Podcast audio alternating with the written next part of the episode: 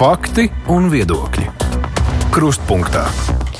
Studijā Mārija Ansone. Valdībai arī šogad ir nācies stipri piedomāt, kā iedzīvotājiem kompensēt energoresursu cenu lēcienus. Pēdējā laikā gan tie attiecās tieši uz elektrības un gāzes pārvades tarifiem.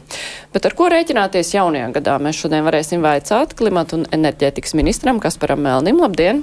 Labdien! Mēs runāsim arī par citiem jautājumiem, protams, kas ir ministrijas pārziņā, piemēram, enerģētikas un klimata plānu, bet vispirms pieteikšu kolēģus, kuri kopā ar mums ir studijā. Elvis Jansons, kolēģis Latvijas radio viens, kā labāk dzīvot, rēviens, sveiks. Un Mārs Cirsons no dienas biznesa žurnālists, sveiks. Labdien! Es jau pieminēju tarifus, klausītājus parasti tas eh, arī visvairāk interesē. Mēs jau pieredzējām to, kas notika šogad ar energoresursu pār elektrības pārvades tarifiem, un rezultātā tapa uh, likums, jo atbalsts maisaimniecībā beidzas šā gada beigās, bet nu, ar jauno gadu būs tas likums, kas kompensē nosakot griestus šiem tarifiem, lai tas kāpums būtu lēzens. Gāzes pārvades tarifs arī ir kāpis ar decembri. Uh, bet ko kopumā gaidīt uh, kaut kādā pārskatāmā nākotnē iedzīvotājiem? Jo līdz šim jau ir bieži izskanējis, ka šie tarifi kāps neglābjami, tāpēc, ka jo mazāk patērē, kā piemēram tas ir ar gāzi, jo vairāk būs jāmaksā par pārvadi. Arī elektroenerģijas tirgo daudz kas mainās, cilvēki arī cenšas paši saražot elektrību, un tas jau arī var viss ietekmēt. Kādas ir jūsu prognozes? Tas tāds ļoti plašs un tāds prognozēt, mēs pieskaramies. Nu, es teiktu, nu, pirmais izdarām pašu, ko mēs varam. Tas ir, mēs teikt, jāsaka liels paldies. Cilvēki ir pārskatījuši jau pieslēguma jaudas, savus un daudz ir jau samazinājuši. Jā, nu, vispār skatoties Latvijā kopumā, jāsaka, liels īpatsvars tieši, ka ir daudz pārskatījuši jaudas, kam bija varbūt uh, tie lielie pieslēgumi. Uz dotu brīdi mēs skatāmies, tie ir kaut kādi 14% jau pārskatīti jaudas. Līdz ar to nu, es teiktu, izdarām pašu, ko mēs varam katrs.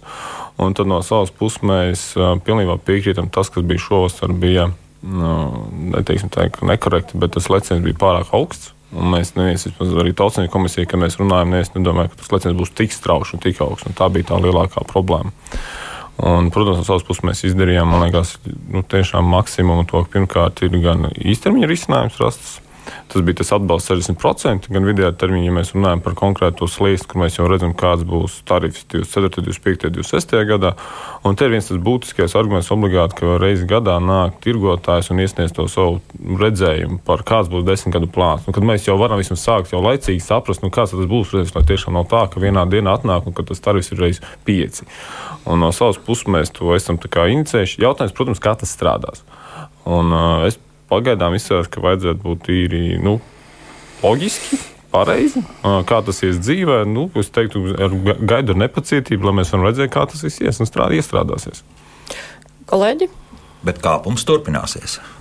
Tarifu Nu, kāpums, lēzāks, bet turpināsies. Jā. Uh, nu, te gan ir taisnība, kāpums jā, ir, bet nu, mēs varam runāt, ka vienkārši viņš ir lēzāks un kas ir pats svarīgākais, viņš ir pārredzams, vismaz prognozējums. Mēs visi saprotam, kāds viņš var būt. Un te mēs vēl katrs varam izdarīt to savu mājas darbu, nu, iespējams pārskatīt savu tarifu. Varbūt, jo tā mēs viņu dabūjam mazāku maksājumu ja jau mēs skaram šo jautājumu, tad ir jautājums par augstsprieguma elektrotīklu kapacitāti pārvadīt plānotos saules paneļu jaudas, kas ir pieteikts. Nu, es nemaz nerunāju par iecerētām vēja parku jaudām. Tad, tad viņiem būs jāpalielina jauda vai ko darīs, vai arī tas atstās kādu ietekmi uz tarifiem.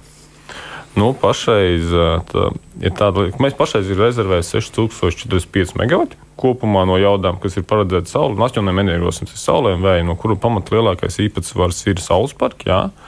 Un kāpēc viens viens, no kāpēc mēs nedodam vairāk atļaus? Tāpēc, ka tieši tas ir tas moments, ka ir kapacitāte, cik mēs varam pašreiz tīkli paņemt no slodzes. Un pašreiz uh, mēs gribam teikt, izbūvējam to, kas ir paredzēts. Un tad noteikti skatāmies, ja būs tas pieprasījums, un pie, tad mēs nu, runājam par tīklu kapacitātes. Bet tur ir varbūt pat netik būtiski ir tīklu kapacitāte, cik mums ir nu, nepieciešams ir starpsavienojums vēl viens. Vai tas ir uh, Lāsgavas starpsavienojums, jo pašreiz mums ir starpsavienojums tikai ar Lietuvu un Igauniju, jo mēs varam saražot vairāk, bet ja mēs saražojam vairāk nekā patēriņu, jautājums, kur mēs viņu dodam. Uh, Jo skaidrs, ka no Krievijas mēs atslēdzamies 25. gada februārī, līdz ar to tur starp savienojumu vairāk nebūs nekāda. Mums paliek tikai ar Lietuvu un Igauniju. Mums vajag vēl trešo starp savienojumu, jo tieši tas moments arī būs. Lai mēs saražam vairāk, mēs varam kaut kur atdot. Un, ja mēs saražam no kaut kurienes, arī paņemt. Kur potenciāli tā būtu valsts Zviedrija? Potenciāli mēs, protams, skatāmies uz Zviedrijas pusi, un tas var būt tas Lasgo projekts, kas jau sākotnēji bija veidots. Nu, tur es teiktu, tas lielais darbs, un tas ir lielais tas potenciāls. Ir vēl arī citi. Ir arī uh, Baltijas Finkonektors, kas ir tas lielais starpsavienojums ar Vāciju paredzēts tālāk, nu, teiksim, tā patālākā nākotnē, bet nu, viennozīmīgi starpsavienības būs viens no tiem lielākajiem jautājumiem un izaicinājumiem. Kas to finansēs? Mēs finansēsim, Eiropas Savienības līdzfinansējums, jeb augstsprieguma tīkla budžets, kredīts. Nezinu, valsts obligācijas. Nē, pašreiz noteikti mēs skatāmies, ka tas būs uh, kopprojekts. Un, ja kopprojektā, tad noteikti, ja mēs būvējam par Latvijas projektu, tas ir jāiesaistīts ar abas valstis kopā. Un, protams, arī skatās Eiropas Savienības atbalstu un finansējumu kaut kā piesaistīt. Tas ir noteikti fundamentāli svarīgi. Kurā brīdī mēs varam runāt, ka šis projekts būs, vai tas tikai pagaidām ir iezīme vēlmju līmenī? Nu, diemžēl jāatzīst, viņš pašreiz ir iezīmējis vēlmu līmenī, jo jāatzīst no Zviedrijas puses, viņam tas, viņi to projektu ideju uzklausa.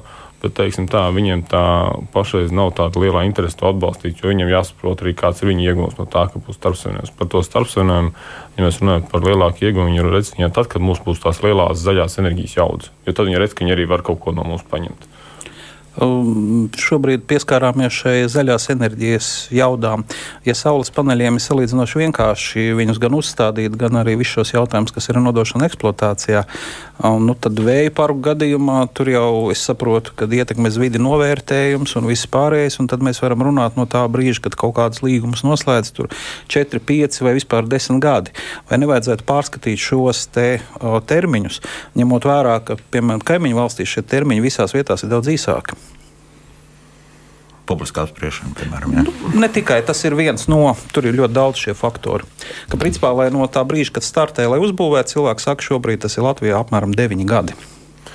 Uh, grūti komentēt, ņemot vērā, ka mēs runājam, esam tikušies gan ar uh, investoriem, gan ar projektu attīstītājiem. Nu, tad gribās teikt, ka ir jau kas ir izdarījuši mājas darbu, jau ir gatavi būvēt.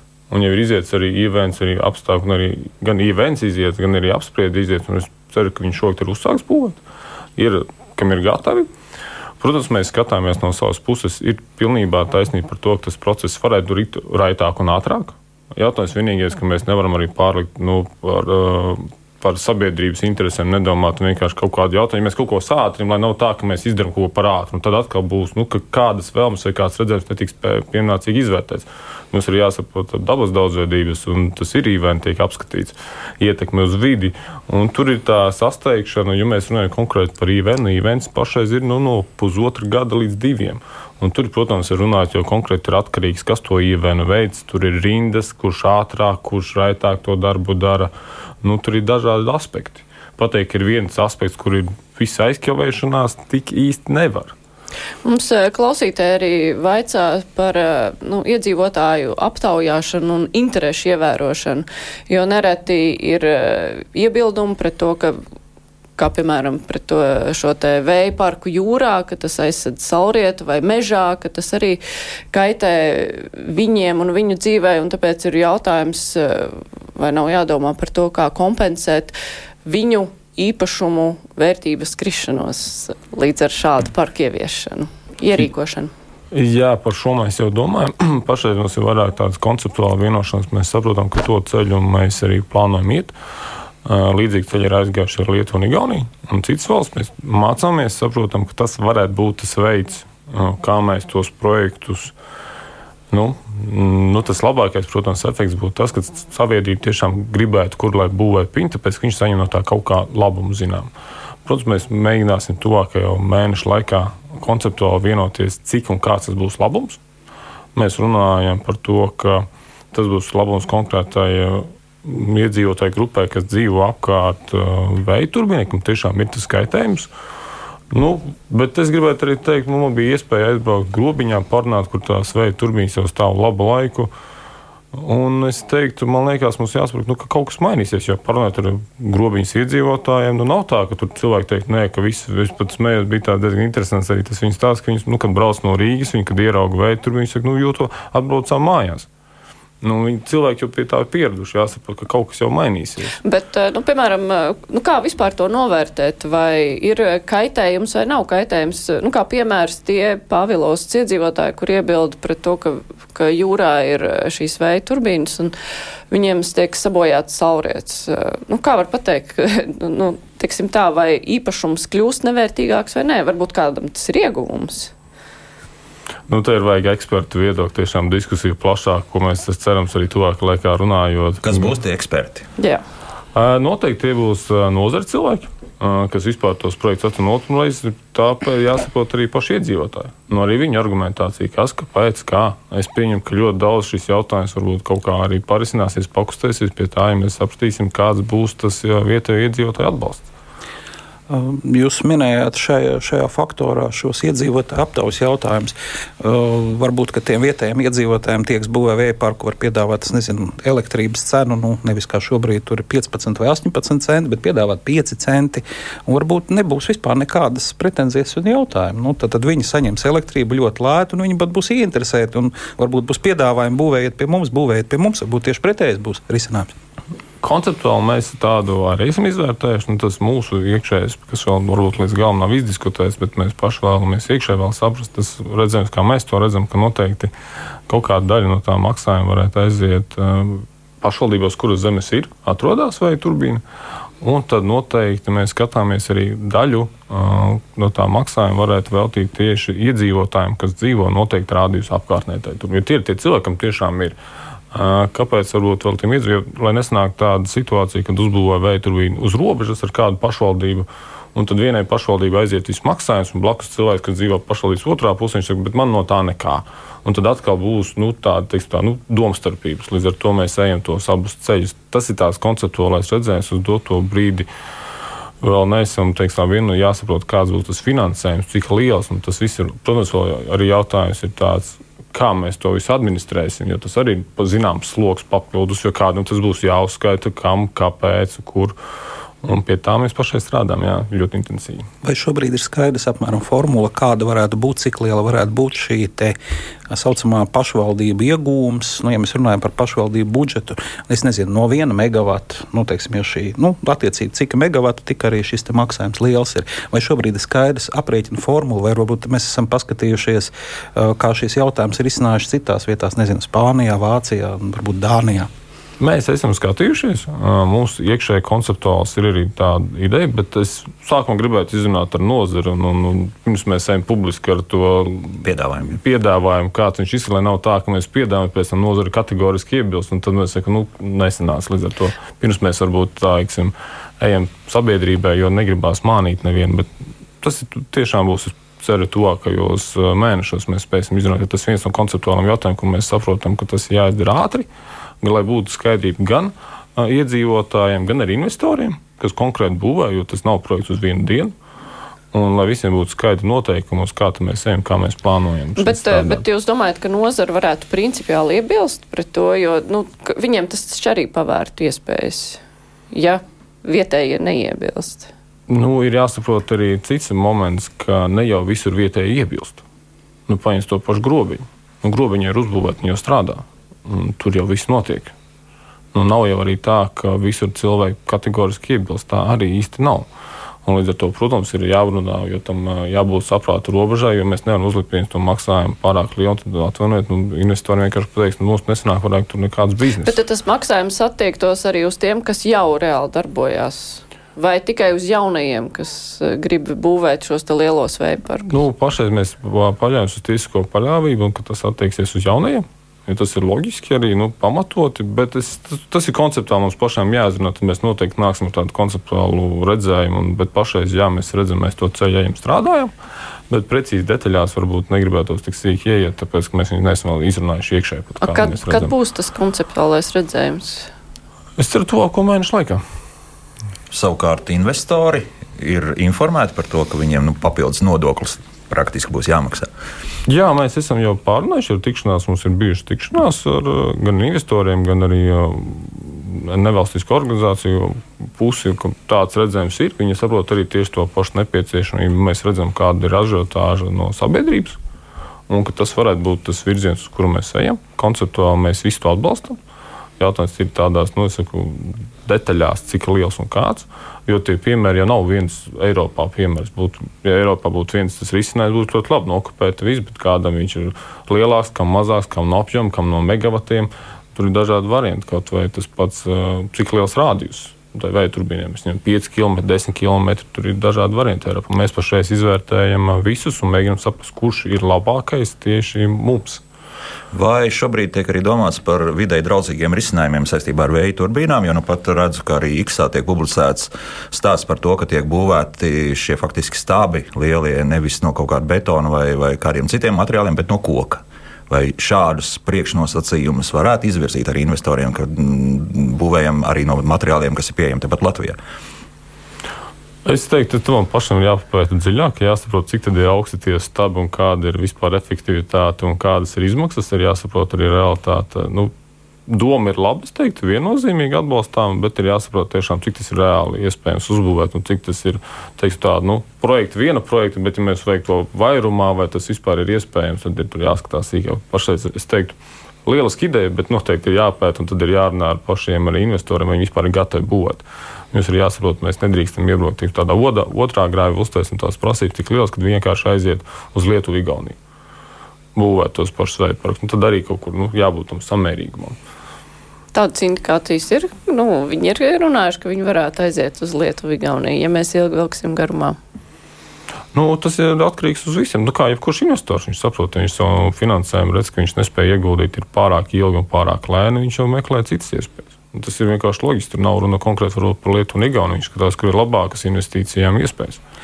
Vai tam faktam, ka Latvijā es nepateikšu šobrīd no galvas ciparus nevar atrast, cik ir vēja jaudas elektroenerģijai Igaunijai un Lietuvai ir, es nezinu, cik desmitām reižu lielāks nekā Latvijā jau pašreizējā brīdī.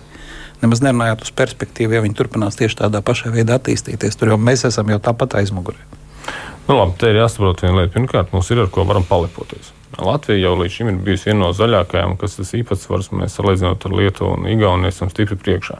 Un tas varbūt bija tas viens no tiem argumentiem, kāpēc mēs bijām teikt, nu, nebijām tik aktīvi interesēti zaļās enerģijas attīstībā. Jo ja Latvija spēja saražot ap 70% pašu savu enerģiju, nu, apmēram Lietuva ap 40%, tas skaidrs, ka viņi tajā visā bija daudz ātrāk interesēti to visu attīstīt uz priekšu. Igauniem ir slānekļa gāze, kas ir viena no netīrākajām enerģijas ražošanas vispār veidiem. Līdz ar to viņi bija ātrāk ieinteresēti vairāk. Te ir piekrīts arguments, ka mēs varbūt nebijām tik aktīvi interesēti. Tāpēc mums bija tiešām jāatzīst, ka Hesse mums saražo ļoti labu zaļu enerģiju, un tas mums nebija tik akūti nepieciešams. Uh, un te galvenais ir jāsaprot, svarīgākais nav tas, kurš pirmais uzbūvē, bet tas, kurš uzbūvēs pa zemākām pašizmaksām. Jo galvenais jau beigās būs, cik būs tā kilota pašizmaksa jo tas būs parādījis, cik tas projekts ir dzīvotspējīgs. Jo mēs jau negribam to uzbūvēt projektu par lielu dārdzību, un tad nu, uzņēmums nobankrotē, un kas tad paliek no vēja turbīnas, tā arī paliek. Nu, tas ir tas, no kā mēs ļoti baidamies. Tāpēc ir jābūt tam izvērtētam. Un šeit sasteigt neko mēs nevaram. Tad tiešām jautājums ir par pašizmaksu, loģiskā izbūve, un tur jābūt tam projektam izvērtētam. Bet ar laiku tā pašizmaksa nepieaug. Nē, nu, tu jau ir biznesa plāns. Tu jau, kad iekšā investē, tu jau rēķini, cik tev tas kilos būs, cik tev ir jāsaražo, cik gados viņi plāno atpelnīt. Tev jau tam visam ir jābūt. Un tā pašam viens no būtiskākajiem nu, cipariem, par ko vai vispār tev ir jēga nākt un investēt vai nē. Un tas, protams, katram pašam jāizvērt arī.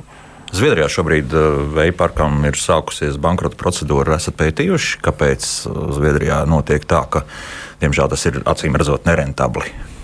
Nu, tur atbilde ir diezgan vienkārša. Mēs redzam, kādas ir tajā reģionā konkrēti elektrības cenas. Un te ir atgriežamies tieši par to stāstu par pašizmaksu. Ja mēs skatāmies vējam, tad vējam pašizmaksa ir no 40 līdz 75 uh, centiem. Par, tas sanāk no 4 līdz 7,5 centiem par kilovatstundu. Nu, tad jautājums, vai tev ir 4 vai 7,5, tā ir milzīga starpība. Un te arī sanāk, ka viens var strādāt zem tām cenām, un viss ir kārtībā, bet kādam tur biznesa nesanāk. Nu, tā ir tīrā pašizmaksa. Un biznesa loģiski, un iespējams, es nu, grūti pateikt, Zviedrija, pa kādu viņa aprēķinu būvēja, pa kādām naudām. Nu, tur ir man tā grūti nokomentēt sīki. Jā, es gribēju, ja par šo kolēģiem vairs nav jautājumu, es gribēju pievērsties arī enerģētikas un klimata plānam, kas līdz nākamā gada vasarai tiks savests kārtībā. Atkal šobrīd tas ir eh, jau plāns tiek aktualizēts, un tad vasarā tiks iesniegts Eiropas komisijā. Bet uh, tur jau ir, eh, nu, tās vairākas smagas lietas. Viena no tām ir par gāzes emisijas samazināšanu. kas Latvijā ļoti saistīta ar transporta nozari, jo tā ir vairāk nekā trešā daļa no emisijām attiecas uz satiksmi. Un ļoti liels iespējas ir mūsu veciem autoparkam, kas ir Latvijā, tajā skaitā arī privātajam autoparkam. Šobrīd atbalsts elektroautomobiļiem ir, nu, tā tiek uzskatīts, ka tas ir atbalsts turīgajiem, tāpēc, ka vairākumam cilvēku tas ir tāpat nepaceļams. Jūsu ieskatā, nu, teiksim, ar to ātrumu, atbalsta lielumu, kā tas ir līdz šim bijis, nu, mums izdosies to autoparku Latvijā nomainīt līdz 30. gadam, nu, tā, lai mēs sasniegtu mērķus, samazināt emisijas, kā ir plānots šajā dokumentā par 17%. Nu, tā ir jāsaprot. Pirmkārt, tas viens no tiem lielākajiem arī darbiem izaicinājumiem tiešām būs tā diskusija kopā ar nozari, kopā ar satiksmes ministru, redzēt, kā mēs labāk ko iespējams mēs varam darīt labāk. No savas puses izrunāt tādu skaitu, varbūt būs labāki veidi. Es esmu atvērts diskusijai, tiešām gribam redzēt, jo tur tas būs lielākais izaicinājums. Un tur būs diskusija gan starp nozares ekspertiem, gan arī starp maksimāli plašu, gan arī iedzīvotāju pusi saprast, kā mēs varam tos mērķus sasniegt. Jo tur pareizi saka, ka tos mērķus ir jāsasniedz mums visiem kopā. No savas puses mēs skatāmies, kā varam palīdzēt. Tas šogad plānojam programmu gan atvērt, gan pašvaldībai, gan uzņēmējiem uz elektroautorātu iegādi paplašināt. Un arī noteikti plašināt uz elektrouzlādes stāciju izbūvi. Jo pašreiz mēs arī saprotam, nu, viens no tām argumentiem, arī, kāpēc cilvēki, kas varētu atļauties elektroautorātu, pašreiz neiegādājas, jo viņiem ir. Nu, negribu teikt, diskomforts, bet ir problēma. Viņš neredz to jēgu pazaudēt laiku uz uzlādes stācijām. Pirmkārt, viņi, tas tīkls nav tik plašs, kā viņi varbūt vēlētos. Un tas arī ir tāds nu, komforta ziņa, bet es gatavs no savas puses mēs to programmu gribam turpināt. Jautājums, kā mēs varam uzlabot, skatīties. Tad viņi arī paplašina tikai elektro, bet arī hibrīdiem. Un es teiktu, nu, skatīsimies, ja būs nepieciešams, mēs noteikti viņu arī pārskatīsim un kaut kā mēģināsim uzlabot. A, ko, ko nozīmē, ja būs nepieciešams? Jo mēs pēc pašreizējiem ātrumiem redzam, ka varbūt jau ir nepieciešams, jo tas temps, kā tas autoparks mainās, ir pārāk lēns, lai par 30. gadu mēs varētu runāt, ka tur kaut kas būs ļoti būtiski mainījies. Mhm. Tāpēc sākumā vajadzētu izrunāt ar tieši ar nozares ekspertiem un saprast arī, kāds ir risinājums un piedāvājums, kā to var uzlabot. Jo ir taisnība, to, ka tas notiek lēni un pašreiz uz priekšu ne, bet jāsaprot, kāpēc, kur ir tās aizķeršanās. Nauda Vienot... droši vien. Es negribētu teikt, ka vienmēr viss apspiežās naudā. Nu, tas pats uzlādes stācija varbūt vairāk dažiem. Ja es pieņemu, ka ne jau visur viņas ir tik daudz. Skaidrs, ka doto brīdi lielākā daļa elektroautorāta ir Rīga un Pierīga. Un elektroautorāta arī nebūs visiem variants. Un, piemēram, lauku cilvēkiem mēs varbūt runājam par, par sabiedriskā transporta labāku pieejamību, iespējams par hibrīdu auto kaut kādu atbalstu lielāku. Mums jau ir jāsaprot, kāds ir tas labākais veids. Varbūt tomēr, ja es nekļūdos, eh, emisiju tirdzniecības sistēma tiek paplašināta arī ar to pašu transportu. Tātad, ja? mm. Un viņš šobrīd ir neemisiju tirdzniecības sistēmā. Un Latvija būs arī nekur nespruksim, tad būs jāpievieno pie degvielas saucamo CO2 izmešu nodoklīts, ja mēs tā drīkstam izteikties. Nu, tās prognozes ir ļoti dažādas. Nu, ja degviela būs nevis kā šobrīd eiro 55, bet uh, 3,50, droši vien, ka ļoti daudz ar mašīnām vienkārši nekustēsies. Nu, un otra ziņa, kas nu pat bija, ko arī Eiropas komisija prognozēja, ka skolnieku skaits Latvijā līdz 2040. gadam samazināsies par 32%, nu, tad iedzīvotāju skaits arī samazināsies. Uh, fosilās degvielas cenas pieaugs līdz šo nodokli, viena daļa mašīnas noliks, nebūs kas brauc. Nu, varbūt tā var izpildīt šo nosacīto prasību.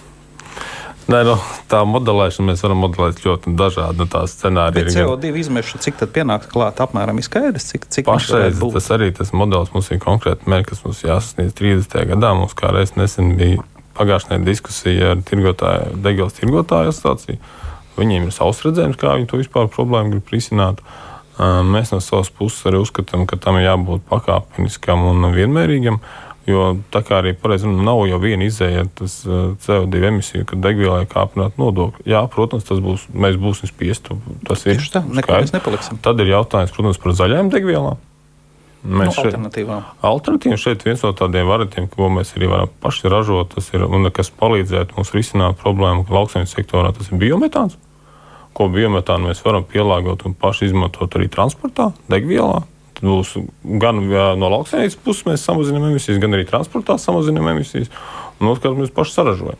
Jautājums, protams, būs lielais, jau, kā mēs to atbalstam, kur, nu, kāds ir tas, kas to iekustina. Jo tur arī būs pirmais jautājums, kas būs pirmais ražotājs, kas saražo, vai patērētājs, kas patērē, jo tur ir jāsiet kopā, ka tam jānotiek vienlaicīgi, lai būtu.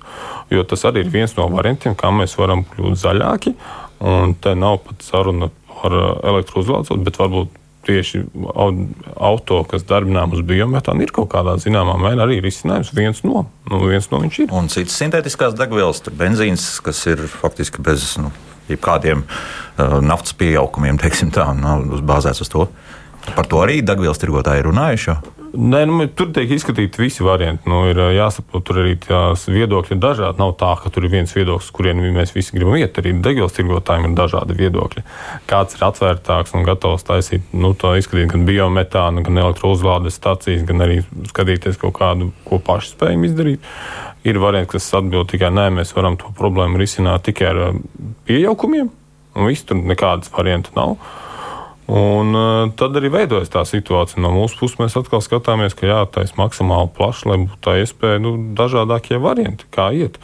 Uh, Un, protams, beigās jau būs uh, sintētiskai degvielai, kas ir nu, tas galvenais, saprast, ko arī runājot ar degvielas tirgotājiem. Ja mēs runājam par to pieaugumu, kas būs zaļais, ko man arī nevarēja neviens atbildēt. Nu, Pašreiz viņi var teikt, nu, labi, tas pieaugums varētu būt, ja mēs pieaugsim uz doto brīdi kaut kā nu, 20 centi apmēram nākošais, ja vajadzētu pieaugt kas liekas, nav pilnībā viss kārtībā. Liekas, loģiski, labi ir, bet nav. Kā kuram? Nē, nu, nav. Bet tajā pašā, bet tajā pašā laikā es pajautāju, labi, kas būs 30. gadā, kad ir skaidrs, ka būs deficīts tās degvielas. Un ka tad tu nezini, kāda būs tā cena. Varbūt tur ir 20 centimetri eiro būs klāt pie rēķina. Jo jāsaprot, ka pašreiz pasaulē tās degvielas būs iztrūkums. Ja, ja Eiropa visi ies to ceļu, ka mēs vienkārši pievienojam klāt 30. gadā, kad ir tas nosprosts viedoklis, tad tā cenas kāpums būs nevis 20 centi, bet varbūt 3 eiro, ko man neviens nevar atbildēt pašreiz. Tā ir liela prognoze. Jo apjoms, ko saražo pašreiz, pasaulē ir pietrūkstošs ja pie tā, ja Eiropa visi pāries to ceļu. Un tāpēc es teiktu, ka jābūt maksimāli atvērtiem visiem ceļiem iespējamiem, kur cilvēki saskata to iespēju. No savas puses es noteikti es atbalstu par to, ko mēs varam paši saražot. Un tas ir vienkārši, liekas, labākais variants. Mēs paši varam kaut ko saražot un patērēt tepat uz vietas. Tas ir vislabākais variants. Gan no stabilitātes viedokļa, gan arī no neatkarības viedokļa. Jūs minējāt biometānu, vai tie uh, zemnieki, kuri šobrīd ir spējīgi ražot biometānu un kuri viņu šobrīd arī attīra, vai viņi būs, uh, ka viņi pārdos šo biometānu šeit uz vietējiem, jeb arī tomēr viņi viņu eksportēs, kur iespējams ir cits piemaksu vai subsīdiju apjoms, un tā rezultātā viņi ātrāk var atpelnīt šīs investīcijas. Ļoti precīzi jautājums uz doto brīdi. Es zinu, ir stacija, kas jau Latvijā ražo biometānu jā, viņiem noiet tirgus uz doto brīdi ir uh, Vācija. No, jā, to ir tā. Uh, protams, bet nu, mums par to ir jādomā, jo tajā momentā, kas ir jāsaprot, ir, ja mēs nesasniegsim savus mērķus 30. gadā, tad mums būs jāmaksā sots, un plus vēl mums būs tāpat tie mērķi jāsasniedz kaut kā. Kas tāpat būs finansiāli jāsaprot. Nu, ne jau, teikt, nu, ne jau vācieši savu prieku pēc maksā kādam vairāk, lai to nozara attīstītu. Jo tajā momentā, tu sākumā, protams, tās izmaksas ir lielākas, bet tā nozara attīstās, jo vairāk ir piegādātāji, jo vairāk ir patērētāji, jo tā nozara paliek rentablāka pati par sevi. Uz doto brīdi, protams, mēs nevaram konkurēt ar Vācijas izmaksām un biometānu pārpirkt no uh, Latvijas ražotājiem, jo viņš var nopirkt. Mēs ļoti labi atceramies, kā bija ar granulām, kad bija krīze kad cenas uzkāpa augšā. Nu, liela daļa vienkārši, jā, nu, viņiem bija biznesa eksportē, viņš eksportā varēja vairāk nopelnīt, nu, ko tu varēji viņam pārnest. Bet tā vai tā vienmēr nebūs, ka mēs nevarēsim pārpirkt? Es domāju, noteikti ne, jo mm, pie tā jau skaidrs, ka Vācija to cenu notur pašreizēju līdz 30 gadam, viņi ir fiksēti un tur ir jāsaka valsts garantēt maksājumus. Nu, mēs ļoti labi atceramies, kā mums gāja Roiku. Kur mēs tur garantīgi tur mainījāmies, un viss bija slikti. Tāpēc, nu, bet nu, Vācija viņu dotu līdz 30 gadiem konkrēts uh, finansējums, konkrēts maksas, un cilvēki ar to reiķinās. Līdz ar to tie, kas tagad būvē stāciju, viņš jau var noslēgt konkrētu līgumu līdz 30 gadam, rēķināties, cik tas izmaksās. Uz doto brīdi vēl Latvijā ražotājs var izveidot biometānu un nofiksēt ar kādu cenu līdz 30 gadam. Es apšaubu. Iespējams, var. Es nezinu, neesmu tik smagi interesējies, bet tā cena noteikti nav tāda, kāda ir Vācijā. Bet vai ir kaut kādi mehānismi, kādā veidā mēs varētu tomēr šo biometānu saglabāt šeit, patēriņu un vienlaikus uzlabot savu Latvijas bilanci arī šajā energosistēmā kopumā? Nevis es atvainojos, nu, ir ļoti jauki, ka mēs palīdzēsim vāciešiem, pārdosim viņiem, bet vai ir kaut kādi mehānismi, kā mēs varētu noturēt, lai šie biometānas saražotais paliktu šeit, nevis iet projām? Vai ir kaut kādi risinājumi? Risinājumi ir, protams, viena no lietām. Tas ir tas, ka mums pirmkārt ir jāveicina un jāatbalsta vispār kā tāda ražošanas uzsākšana, jo mēs nevaram runāt par biometānu ražošanu nopietni. Latvijā to, to, to brīdi, man liekas, ražo viena saimniecība un nākošais gads vēl nu, divas, trīs uzsāks. No Labi, biogāzi ražo krietni vairāk.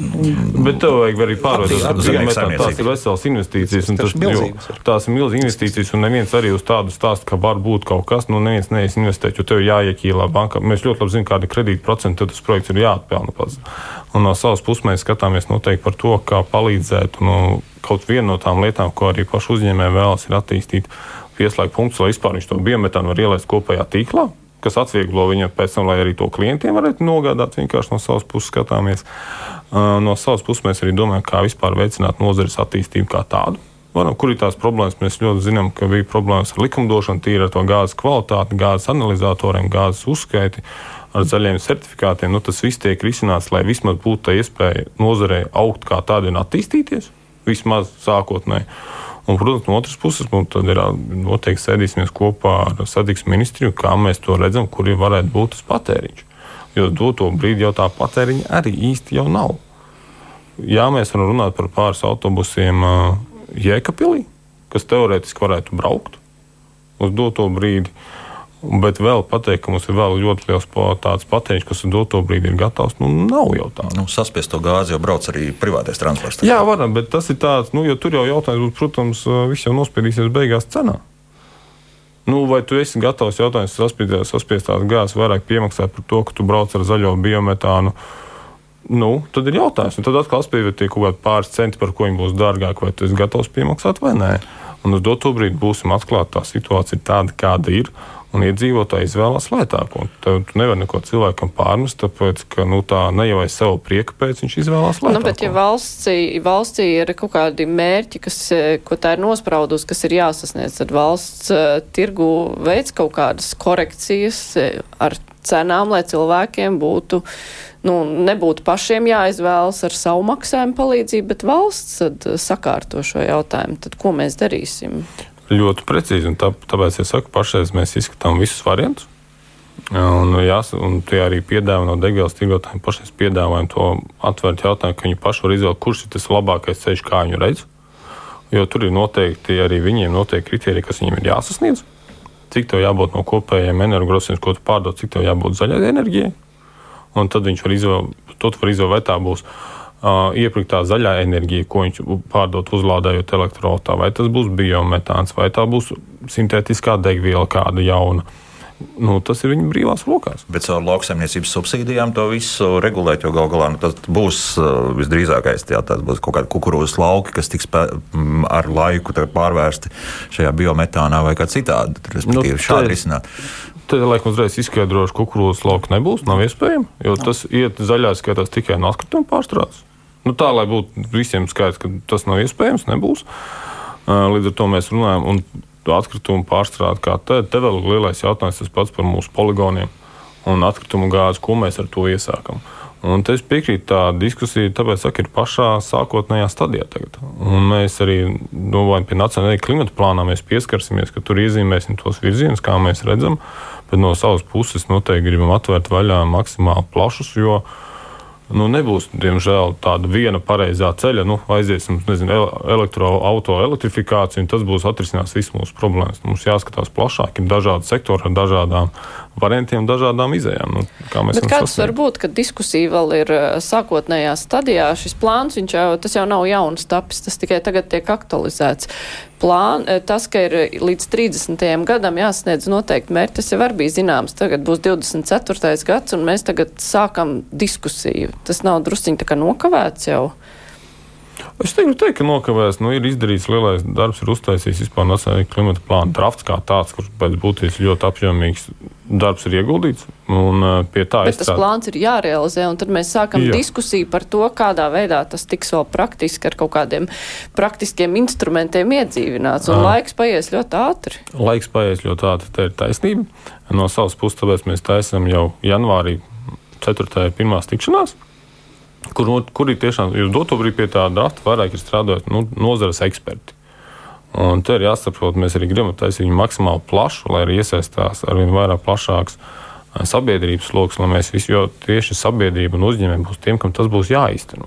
Un te ir jāsaprot, kāds ir tas viņu redzējums. Un mēs teiktu, svarīgāk varbūt ir tā pašreiz nevis sasteigt, izdiskutēt ar visiem un to plānu apspriest tādu, kas ir pieņemts sabiedrībai, kā mums visiem, kā balans, kur mēs saprotam, ka tas ir tā izēja. Jo tas, kas var būt otra galība, mēs varam izstrādāt lielisku plānu, un kur mēs noliekam plauktā, un, diemžēl, un sabiedrība pasaka, nu, nē, mēs, mēs nezin, iesim citu ceļu, kas tur nav rakstīts. Kā iespējams. Tāpēc nu, ar to sasteigšanu ir jāsaprot, ka ir lietas, kas tiešām ir piekrīt, varētu būt raitāk notikt. Es noteikti skatīsimies no savas puses, kā ies ar uh, diskusijām jo tās, es vērtēju, izskatās būs ļoti ar dažādiem viedokļiem, un es ceru, ka ļoti interesantas noteikti dažās tēmās iespējams mēs kaut kādu būsim termiņu būsim spiesti pagarināt, tāpēc, ka tādas diskusijas varbūt tik ātri nebeigsies vienā otrā jautājumā. Nezinu, skatīsimies, ies cauri, jo mums jābūt tam kopējam lēmumam. Tas ir svarīgākais. Mums šobrīd ir pētījumi no kādām zinātniskām iestādēm, vispirms, cik mēs konkrētā joma emitējam, konkrētajās vietās, nevis kaut kādus pieņemtos datus, un otrs, vai ir kaut kāds pētījums, izvērtējums vai teiksim, analīze, kuras nozares eh, kaut ko darot, var sasniegt visātrāk rezultātu, vai arī nezinu, vislabākos rezultātus var sasniegt, ja strādā ar konkrētām nozarēm. Vai šādi pētījumi ir? Pētījumi ir uh, par dažādām nozarēm, dažādiem sektoriem. Protams, tas, kas ir vissarežģītākais, tagad atbildēt, nu, uz ko ir pateikt, kurā nozarē cik tev izmaksās samazināt emisijas. Nu, jā, bet vispirms ir jāsaprot, vai šīs zemes uh, pleķītes emitēs, nezinu, 5 Nē, vai 25, ir. vai šobrīd pa visu Latviju šādi. Teiksim, ja mēs runājam par lauksaimniecības zemi, jo bez transporta lauksaimniecība tiek uzskatīta neesmisija tirdzniecības sistēmas par vislielāko otru piesārņotāju. Nu, ja tā jau ja saka, skatās. Un tad ir jautājums, vai mēs esam, mums ir šie pētījumi par šīm zemēm, un tad ir jautājums, ko mēs tur darām. Mēs viņus, es nezinu, apmežojam vai kaut ko citu darām vai, vai nedarām. Un tad, nu, ja šādi pētījumi ir, tad tas nozīmē kaut kāda. Kaut kāda kādas lietas, kas ar šīm zemēm būs jādara. Savukārt, ja viņu nav, tad kad viņi būs? Un tad ir tas otrs jautājums, ja ir kaut kāda analīze, kuras nozares ir tās, kur rēķinu var to ātrāk izdarīt. Nu, teiksim, ar to, ka tie izējas dati, no kurienes tās emisijas, cik rada tāda ir un tas ir, un tie balstās uz pētījumu. Uh, tur tie dati ir jautājums, protams, kā jūs prasat, cik kur var samazināt. Tas ir tas lielais, kur mēs gribam runāt ar konkrētām nozaru ekspertiem un nu, pētniekiem, arī tā skaitā. Jo jūs pareizi minējāt, tie varianti, kā samazināt emisijas, ir dažādi. Un, kas satrauc, mēs sarindot tādu, kura būs lētākā nozarei samazināt, kurā nē, tas ir, būs ļoti sarežģīti. Es teiktu, pat nereāli izdarāms, jo jāsaprot, pirmkārt, katrai nozarei kaut kāda zināmā kapacitāte, cik tu vari samazināt. Un pēc tam vienkārši kaut kādā robežā tev parādās, ka tu vairāk nevari. Un tas pats paņems kaut kādu, nezinu, no labi biometānu. Tu vari saražot tik daudz, cik tev ir izēviela. Un tu nevari saražot vairāk. Ja nē, mēs varam uzlikt mērķi vairāk, bet tad, nu, piedod, nu, ievest atkritumus no citām valstīm pārstrādāt, lai saražotu biometānu, arī atkal būtu pilnībā garām. Ko mēs ievedam? Nu, e, līdz ar to tur ir tā lieta, ka ir jāsaprot, un šis jautājums tiešām mēs pētīsim, bet arī pateikt, tās izmaksas pašais ir diezgan sarežģīti, jo tās tehnoloģijas ļoti strauji attīstās un izmaksas ļoti strauji attīstās. Un pateikt, pašais tāda aprēķina mums būs, ir provizoriskais. Bet tā viena lieta, kas ir jāsaprot, ka katras nākamās emisijas samazinās maksās krietni, krietni vairāk. Un tas ir tas lielais risks. Un pašreiz izrunāt, ka, jo dotubrī jāsaprot, ka jāsamazina būs visiem. Un tas ir, kur mēs tā kā visu pilnībā saprotam, ka tas samazinājums emisiju un tas dzīves, teiks tā, ietekmēs mūsu visus ikdienā.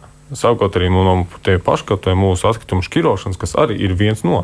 Tāpat mēs runājam par ēku siltināšanu, kas arī ir daļa no efektivitātes un no, mēs runājam par mērķiem, kur arī, diemžēl, mums tik raiti neiet uz priekšu. Te mēs varam, varam katrs pats sev. kāpēc mēs neesam tik interesēti. Nu, viens vai otrs, varbūt mājas uh, siltināšanā, kas ir vēl vesela, plaša diskusija ar ļoti daudziem izaicinājumiem, ļoti daudzām problēmām, kur mums arī ir jārunā, jāsaka, kā mēs to varam izdarīt. Bet tas arī ir viens no variantiem. Jā, tas būs viens no jautājumiem, ko es uzdošu pēc brīža, bet man ir vismaz vienu reizi jāatgādina mūsu klausītājiem un Latvijas televīzijas skatītājiem, ka šodien kopā ar mums ir klimata un enerģētikas ministrs Kaspars Melns un arī kolēģi Mārs Cirsons no dienas biznesa un Elvis Jansons no Latvijas radio raidījuma Kā labāk dzīvot. Mēs tūlīt turpināsim. Raidījums Krustpunktā. Jā, ēku energoefektivitāte. Tas arī ļoti sapīgs jautājums un bija jau sarēķināts, ka šajā gadsimtā ar tiem tempiem mēs neko nepaspēsim izdarīt, nu, ja mēs turpināsim tā kā turpināsim. Tur, protams, ir liela teikšana ekonomikas ministrijai, bet jums ir redzējums, nu, kā šo te procesu padarīt ātrāku un efektīvāku. Uz doto brīdi ir izskatīti nu, dažādi varianti kā to padarīt efektīvāku un ātrāku. Tur ir daudz izaicinājumu. Bet es teiktu, ka noteikti to vairāk atstājam, es pareizi minēju, atbildīgās ministrijas ietvarā, jo tā ir pamata ekonomikas ministrija atbildīga instance. Jo ar ko mēs noteikti diskutēsim, pārunāsim, bet tas ir vairāk svarīgs ir viņu konceptuāls redzējums, kā tas ir. Sarunas ir bijušas dažādas, sākot no tā, ka varbūt vajag kopējai mājai lemt par to, ka viņi atsakās no ēkas siltināšanas, iespējams, kā variants. Bet ir pilnībā taisnība. Mēs redzam, ka ar esošiem tempiem mēs galīgi neko nevaram paspēt. Un tas, kas ir vēl bīstams variants, ko mēs arī saprotam, kad ir jābūt risinājumam, vai mēs vispār fiziski pietiekam celtniecības kapacitātes, ja mēs kaut ko izdomājam, vienā gadā kaut ko radikāli pamainīt, un ka mums vajag siltināšanu aiziet nu, reizes desmit vairāk māju. Vai būs vienkārši fiziski celtnieki, kas to būs gatavi izdarīt, vai mēs neizdarām otru problēmu, ka mēs vienkārši uzdilsim atkal uh, izmaksas celtniecības augšā. Tad atkal būs nākošās problēmas. Jo tam jābūt tieši tādam nu, izsvērtiem, kā mēs to varam virzīt uz priekšu, kā mēs varam to veicināt. Savukārt, noteikti to kā obligātu prasību, tomēr šīs padomu laika mājas renovēt. Jā, bet tad ir jāsaprot, vai mēs neiebraucam otrā grēvē ar to, ka mēs varam uzlikt tā kā obligāti, un tad būs cilvēki, kas pirmkārt jāsaprot, vai cilvēkiem tas vispār ir iespējams. Nu, arī maksātspēju un nedrīkstam iedzīt sabiedrību nu, parādos, kur viņi kategoriski to nesaredz, kāpēc tas ir vajadzīgs. Un te ir liels risks, kur es saskatu, par ko mums arī daudzi pārmet, nu, lai mēs neuzkarsējam vienkārši būvniecību. Jo to būvnieku kapacitāte nu, tāda ir, kāda ir. Mēs redzam, kā iet. Un mēs varam pateikt, bet tam, nu, jā, bet būvnieku nav. Un ko tagad? Un vai būvnieks uzliks cenas reizes pieci? Nu, tāpēc, ka vienkārši deficīts un visi redz, ka obligāti vajag siltināt, tev nav variantu, tev ir jāsiltina, tu jau būsi spiests. Un, tāpēc tam jābūt tiešām līdzsvarotam un sabalansētam, kā mēs to varam virzīt uz priekšu, lai tas būtu loģiski un neiebraukt otrā grāvī. Jautājums, vai siltināšana ir pēc dokumenta vai pēc fakta? Kāpēc? Ļoti daudz iedzīvotāji ir salikuši tās pašās daudz dzīvokļu mājās, ir salikuši nosacīt jaunos logus. Kāpņu telpās jaunie logi, pēc dokumentiem tā māja vispār nav siltināta. Viņai tur tie logi stāv nezinu, no 71. vai 62. gada. Un tad veidojas tas uh, disbalans starp dokumentos esošo un faktisko. Varbūt jāsāk ar to pirmo, kad faktiskā situācija. Un tad ir jautājums par to, ko darīt, ja tur tajā mājā gandrīz visi salikuši tos jaunos logus iekšā. Un nezinu, divi vai trīs pensionāri to nav bijuši spējīgi izdarīt. Tas mazliet savādāks izmaksas uzreiz veidojās. Sapratu, tur jautājums noteikti ir par energoefektivitāti ko pēc tam izvērtē. Tad ir jāsaka, kā viņi skatās, veicot ēku energoefektivitāti, cik tā ar jaunajiem logiem tā ēka ir energoefektivitāka. Un tas ir jāizvērtē arī jāskatās kā viens no variantiem. Bet, ir realitāte, jo jābūt tiešām pēc faktiem, ka tiešām ir tā energoefektivitāte. Tas ir nu, jā, bet tas nozīmē nākošais jautājums. Privāti mājas jau arī ļoti daudz ir veikuši šos energoefektivitātes pasākumus, neprasot neko no valsts, nekādu atbalstu. Bet nekādos dokumentos tas faktiski fiksēts. Tā nav uzlikts jauns jumts, nomainīti logi, durvis un visas pārējās lietas. Tad, tad viņi ir veikuši, iespējams, pat iekšpusē ir siltināšanas darbi ir veikti. Ja? Bet tas jau nekur dokumentos neparādās. Līdz ar to it kā tajās atskaitēs nav, bet ja viņu ieliktu pēc fakta, viņš jau būtu. Vai šajā gadījumā, izmainot šo pieeju, mēs nedabūsim tomēr daudz lielāku energoefektivitātes pasākumus, kas ir veikti tikai neatspoguļojas nevienos dokumentos. Tas arī ir variants, ko mēs spējam noteikti izvērtēt pārskatīt, vai tā var. Tad noteikti lielais jautājums būs. Uh, Pamatā beigās tāpat jābūt energoefektīvam. Nu, kādam certifikātam, ka tev tā ir energoefektīva. Tad, protams, būs lielais jautājums, kas par kādu naudu veiks to certifikāciju. no vienas puses ir taisnība, mēs pēc faktu redzam, bet vai, nu, diemžēl tā ir, vai vajag certifikātu, ka ir bijis. Un, tas ir viens no variantiem, ko mēs tiešām varētu izvērtēt, jo jaunajām celtnēm visam ir tiešām energoefektivitātes standarti ļoti augsti. Un uh, pilnībā taisnība par to, ka pats kāds ir to jau izdarījis, tas ir apsveicami. Vai mēs varam to ievērtēt bilancē kopējā, nevarēšu atbildēt, bet noteikti tas ir jāizvērtē. Iespējams, ka tas ir viens no variantiem, kā tas varētu mums, nu, būsim atklāti, nu, kripatiņu palīdzēt. Nu, tas lielai... Es domāju, ka privāta sektorā ļoti daudz šis var jautājums varētu palīdzēt, ja nu, viņi risinātu ļoti nu, caur nodokļu atvieglojumiem, piemēram, to darīt. Bija brīdi runas arī. Tāda ideja bija. Varams, ja nemaldos, kaut ko tādu runāja. Nu, kā iespējams tas varētu būt? Viens no variantiem varētu būt. Jā. Klausītājs arī norāda, ka ēku siltināšanas jautājumos tiek lobētas bankas, kurās jāpiesakās uz aizdevumu un kas uzliek lielāks procents nekā citi, un savu uzkrāto naudu arī nevar daļai ieguldīt, jo obligāti jāņem pilnais aizdevums uz visu summu. Tātad nosacījumi. Nosacījumi arī jāmaina. Plus vēl PVN jāmaksā. Jā. Kad Altums varētu šo programmu vispār finansēt bez bankas? Uh, Altums. Nevarētu. Autos, man liekas, daļai arī ir iesaistīts šajās programmās. Ir jāskatās, varbūt tiešām tādā detaļās, cik un kāda ir tas atbalsta intensitāte. Jo man liekas, autors arī ir iesaistīts. Ir. Jautājums ir, kāpēc varbūt kāds mājas iedzīvotājs izvēlās privāto banku nevis automu? Nē, nē, jāizvēlas obligāti ir privātā Jā. banka. Nu, tad noteikti mēs varam skatīties to kā variantu, kā to mēs varam programmēt plašāk. Nu, tie risinājumi tiešām ir jāmeklē. Iespējams, ka tas arī jo bankas arī ir viena no tām uh, izaicinājumiem, nu, kas ir. Jā, tur ir piekrīt, tā ir taisnība. Jāskatās, kā mēs to varam uztaisīt, jo arī tā situācija, diemžēl, kā daudz saskārās, ka tad, kad tu pabeidz teiksim, aptauju par to, ka tu vēlēsies veikt būvniecību, mājas siltināšanu, un kamēr izēju to garo saskaņojumu ar visiem, tev tas piedāvājums pamainās un paliek dārgāks, kas arī ir absurdi. Nu, bet, diemžēl, dažas mājas ar to saskārās, kas bija problēma. Bet varbūt tad ir māju siltināšanas programma, nevis renovācijas programma. Tieši mājas siltināšana, kur mēs siltinām mājas, es atvainojos, sienas un jumtu, ja tas nepieciešams. Ja kaut kas ir izdarīts, mēs to skaitām ārā. Jo, man liekas, tā mēs atkal varam izdarīt vairāk, un varbūt arī tās izmaksas būs mazākas nekā tad, ja mēs taisām pēc pilnas programmas faktiski mājas renovāciju, kas varbūt nav slikti, bet kas aizņem daudz laika un resursu. Iespējams. Tas, laikam, ir atgriešanās pie vecās sistēmas. Jau savulaik bija jau par, runa par siltināšanu, un par to renovāciju runāja mazāk. Nu, tāds tur lielais jautājums, protams, ir jāizvērtē. Tur ir jāskatās, pirmkārt, kāda tā māja, lai nav tā, ka viņi nosiltina. Tad jautājums, mēs ļoti labi zinām tās lielās problēmas visiem. Uh, iekšējiem siltumvezgliem un visām tām problēmām. Nu, jo, ja tu sāc viņu tur plēst ārā, mainīt apkurses iekārtas, tad jau tu pie viena arī nomaini kanalizāciju un ūdensvadus. Lai tā nav tā problēma, ka tu kā māja nosiltināji, viss ir smuki, un tad tu plīst ūdensvads. Un tad atkal ir nākošā problēma, kur iedzīvotājs, nu, nu tur arī, nu, cik garš, tik plats, no vienas puses piekrīt, it kā tu iekonomē, bet, ja skaties ilgtermiņā, mēs varam izvērtēt. Es, man jāskatās, grūti atbildēt, vai var tā, ka Ja tev ir jau paši iekšēji iedzīvotāji nomainījuši siltu, ūdens vadus un nezinu, siltumu apkūru, tad ir savādāk, protams. Bet, ja tev nav nu, konceptuāli, es vairāk iet pie tā, nu, ja mēs darām, tad labāk izdarām. Nu, tā kā ir viss ir izdarīts, viss ir kārtībā. Nevis pēc kaut kādiem pieciem gadiem atgriežamies par to, ka mēs plēšam no siltinājumu, tāpēc ka ūdens vats plīs un visa siena, viss darbs ir vējā. Un tur ir katram arī jāsaprot tā nu, realitāte, tā situācija, kāda viņa var veidoties. Nu, bija tāda lieta, kad bija plānots, ka šogad tiks skatīts tāds klimata likuma projekts.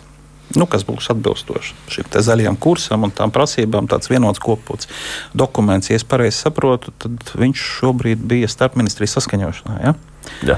Kas tur beig beigās ir iznācis un cik tālu esam ar to, un ko viņš īsti mums paredzēs vai prasīs? Nē, nu, pašais viņš ir starpskaņošanas periodā un uh, posmā. Un, nu, pateikt, ko grūti pateikt, tāpēc, ka mēs vēl neesam viņu saskaņojuši. Tad vēl aizies debates, vēl redzēt, kāda būs gala versija, kāda viņi izies beigās ārā. Nu, tas ir arī jāsaprot. Jo, diemžēl, nu, nav tā, ka viss kā iesniedz sākotnēji, beigu variants viens tas pats. Nu, tā nav. Vēl jautājums, tad mēs visu laiku runājam par to, ka Latvijai jāsamazina šīs emisiju emisiju apjoms par 17%. Vienlaikus mēs neesam parunājuši, vai ir kādi veidi, kādā veidā mēs varētu palielināt CO2 piesaisti. Un, ja tie veidi ir, tad kādi viņi ir vai kādus jūs redzat? Jā, tāda veida ir. Viens no tiem ir pirmkārt tā ir meža saimniecība. Kā tāds efektīvāka meža saimniecība, kas ir viens no, protams, lieliem diskutējumiem jautājumiem, cik un kā. Uh, Bet tas, kas mēs pašais pārnājuši, kas ir, tas ir CO2 apglabāšana un CO2 noglabāšana. Tieši un tas ir pats labākais, kas mums ir tie ir koku materiāli. Tā ir lielāka pievienotā vērtība. Mēs no savas puses skatāmies, mēģinām, kā mēs varam paplašināt un arī atrisināt tās problēmas, ka var būvēt uh, daudz stāvu kokaikus. Jo, jo CO2 tieši, kas ir apglabāts kokā, ir viens no variantiem, kā mēs viņu varam piesaistīt bilancēm. Plus mēs arī veicam pievienoto vērtību lielāku, un koks ir tas, ko mēs arī paši spējam saražot. Savukārt, Bet, tu, jā, jā. Nē, es, mums vienkārši ir palikuši tikai pāris minūtes. Es gribēju precizēt par šo te efektīvāko mež, mežu saimniecību, kas jau tika minēts, nu, ka tos mežus, kuri vairāk var piesaistīt CO2, kad vecos mežus bija risks, ka izcirtīs un stādīs vietā jaunus. Vai tiks veikta kaut kāds tāds visaptvarošs, es nezinu, revīzija, novērtējums, lai nebūtu tas par ko izteica bažas uh, vidas aktīvisti par to, ka šis te tiks veikts uz veco mežu izciršanas rēķina. Nu, dabas skaitīšana kā tāda, man liekas, jau ir beigusies. Es pieņemu, ka man tā grūti pateikt. Nē, konkrēti runājot vēlreiz... par mežu, vai, vai tiks veikts kaut kāds uh, plānu novērtējums tieši šajā jomā, kas skar meža saimniecību? Jūs domājat, atsevišķs audits mežu vecumu izvērtējumam un tad piesaisti, vai es, es saprotu to lielo bažu, nu, jāsaprot pirmās lietas, neviens neplāno uh, vecos mežus izgriezt principu pēc, tāpēc, ka tas ir vecais mežs. Ir jāsaprot to, ka, protams, tā ar vārdu efektīvāka meža saimniecība, to pirmkārt ir jākopja jaunaudas. Um, protams, te ir zinātniski balstīts to, ka uh, strauji augošs mežs vairāk piesaista CO2. Un te ir jāsaka ar to, ka pirmkārt izdarām mājas darbu ar to, ka savus jaunaudas izkopjam. Un esošos mežus, teiksim, apsaimniekojam efektīvi. Un par veciem mežiem, kur ir dabas daudzveidība, mums ir ļoti daudz arī lieguma, kur arī ir liekta, kur neviens arī neplāno neko cirst, ne griezt. Un, uh, tas ir viennozīmīgi arī neplānojas turpmāk. Ļoti īsi. Lauksaimniecībā zemes neizmantojamās apmežot, neapmežot. Tas ir uh, lauksaimniecības zemkopības ministrijas noteikti primār, primārais jautājums, kas ar viņiem, kā nozares ekspertiem, arī jānāk un uh, jāsaka, kāds tas viņu viedoklis un redzējums. Vai jūs atbalstītu arī to ideju, kas šobrīd Latvijā sāk lēnām ienākt par to, ka zemies tur nekā nedara, tā kā CO2 banka? Jautājums ir par to CO2 banku. Tad jautājums, kam tad mēs atgriežamies pie tā vecā stāsta, kam tad tās CO2 emisijas tiek ieskaitītas? Lai mēs neuztaisām nākošo sadaļu, ka mēs savu zemi uztaisām par CO2 banku un nopērkam ārzemnieku, kur ieskaita savas CO2 emisijas pie sevis, un pēc tam mēs kā valsts dabūjam maksāt sodu. Un tad mēs atgriežamies pie tā vecā stāsta, ka, nu, ka kaut kas būs spiesti kaut ko darīt. Būsim. Tā šādu sistēmu jūs nepieļausieties, pareizi saprotu. Es saku, ka tur pirmā prioritāte jāiet no pašas nozares, kā jau redzat, vai tas risina vai nē. Un tam jābūt tam variantam, ka ne jau mēs kā klimata enerģētikas ministrija būtu pateikts to vienotu virzienu. Sākumā jāklausās tiešām ekspertu viedokļi un nozares speciālistu viedokļi. Un tad, protams, tas viss ir jāizvērtē. Te būs lielākais mūsu uzdevums atrast to balansu un tiešām to vidusceļu, kas apmierina uh, apmierina lielāko daļu vismaz. Jā, nu, mēs šo jautājumu vairs izvērst, diemžēl nevaram. Elvi, tev bija ko piebilst vēl? Nē, nē, kas bija arī citi jautājumi, jā, bet tas prasītos vairāk minūtes. Jā, izvērt, izvērsīsim to citā laikā un reizē. Es teikšu paldies, kas par Smelnis, klimata un enerģētikas ministrs, bija šodien kopā ar mums, kolēģi Mārs Čirsons no dienas biznesa, Elvis Jansons no Latvijas radio raidījuma Kā labāk dzīvot. Pastāstīšu īsi par rītdienu. Mums rīt krustpunktā skanēs, bet citā formātā nekā parasti tas notiek. Mums rīt, tā kā ir gada pēdējais raidījums, tad būs gada notikuma apskats, ko mēs veidojam kopā ar Latvijas radio ziņu dienestu. Tas nozīmē, ka mēs raidījumu sākam kā parasti pusvienos, un tad arī bez pārtraukuma tas eh, ritēs līdz pat pulksten diviem. Mēs centīsimies apskatīt piecas galvenās jomas - politika, ekonomika, sportu, kultūru, arī ārvalstu notikumus. Mums studijā būs eksperti. Mēs ekspertus piesaistīsim komentētājus arī attālināti, tā kā es domāju, ka rīt būs eh, interesants raidījums un, protams, būs sižeti, kurās tad atskatīsimies, kas tieši ir noticis. Bet kruspunktā šodien izskan producenti Ieva Zēdzes studijā bija Mārija Ansone.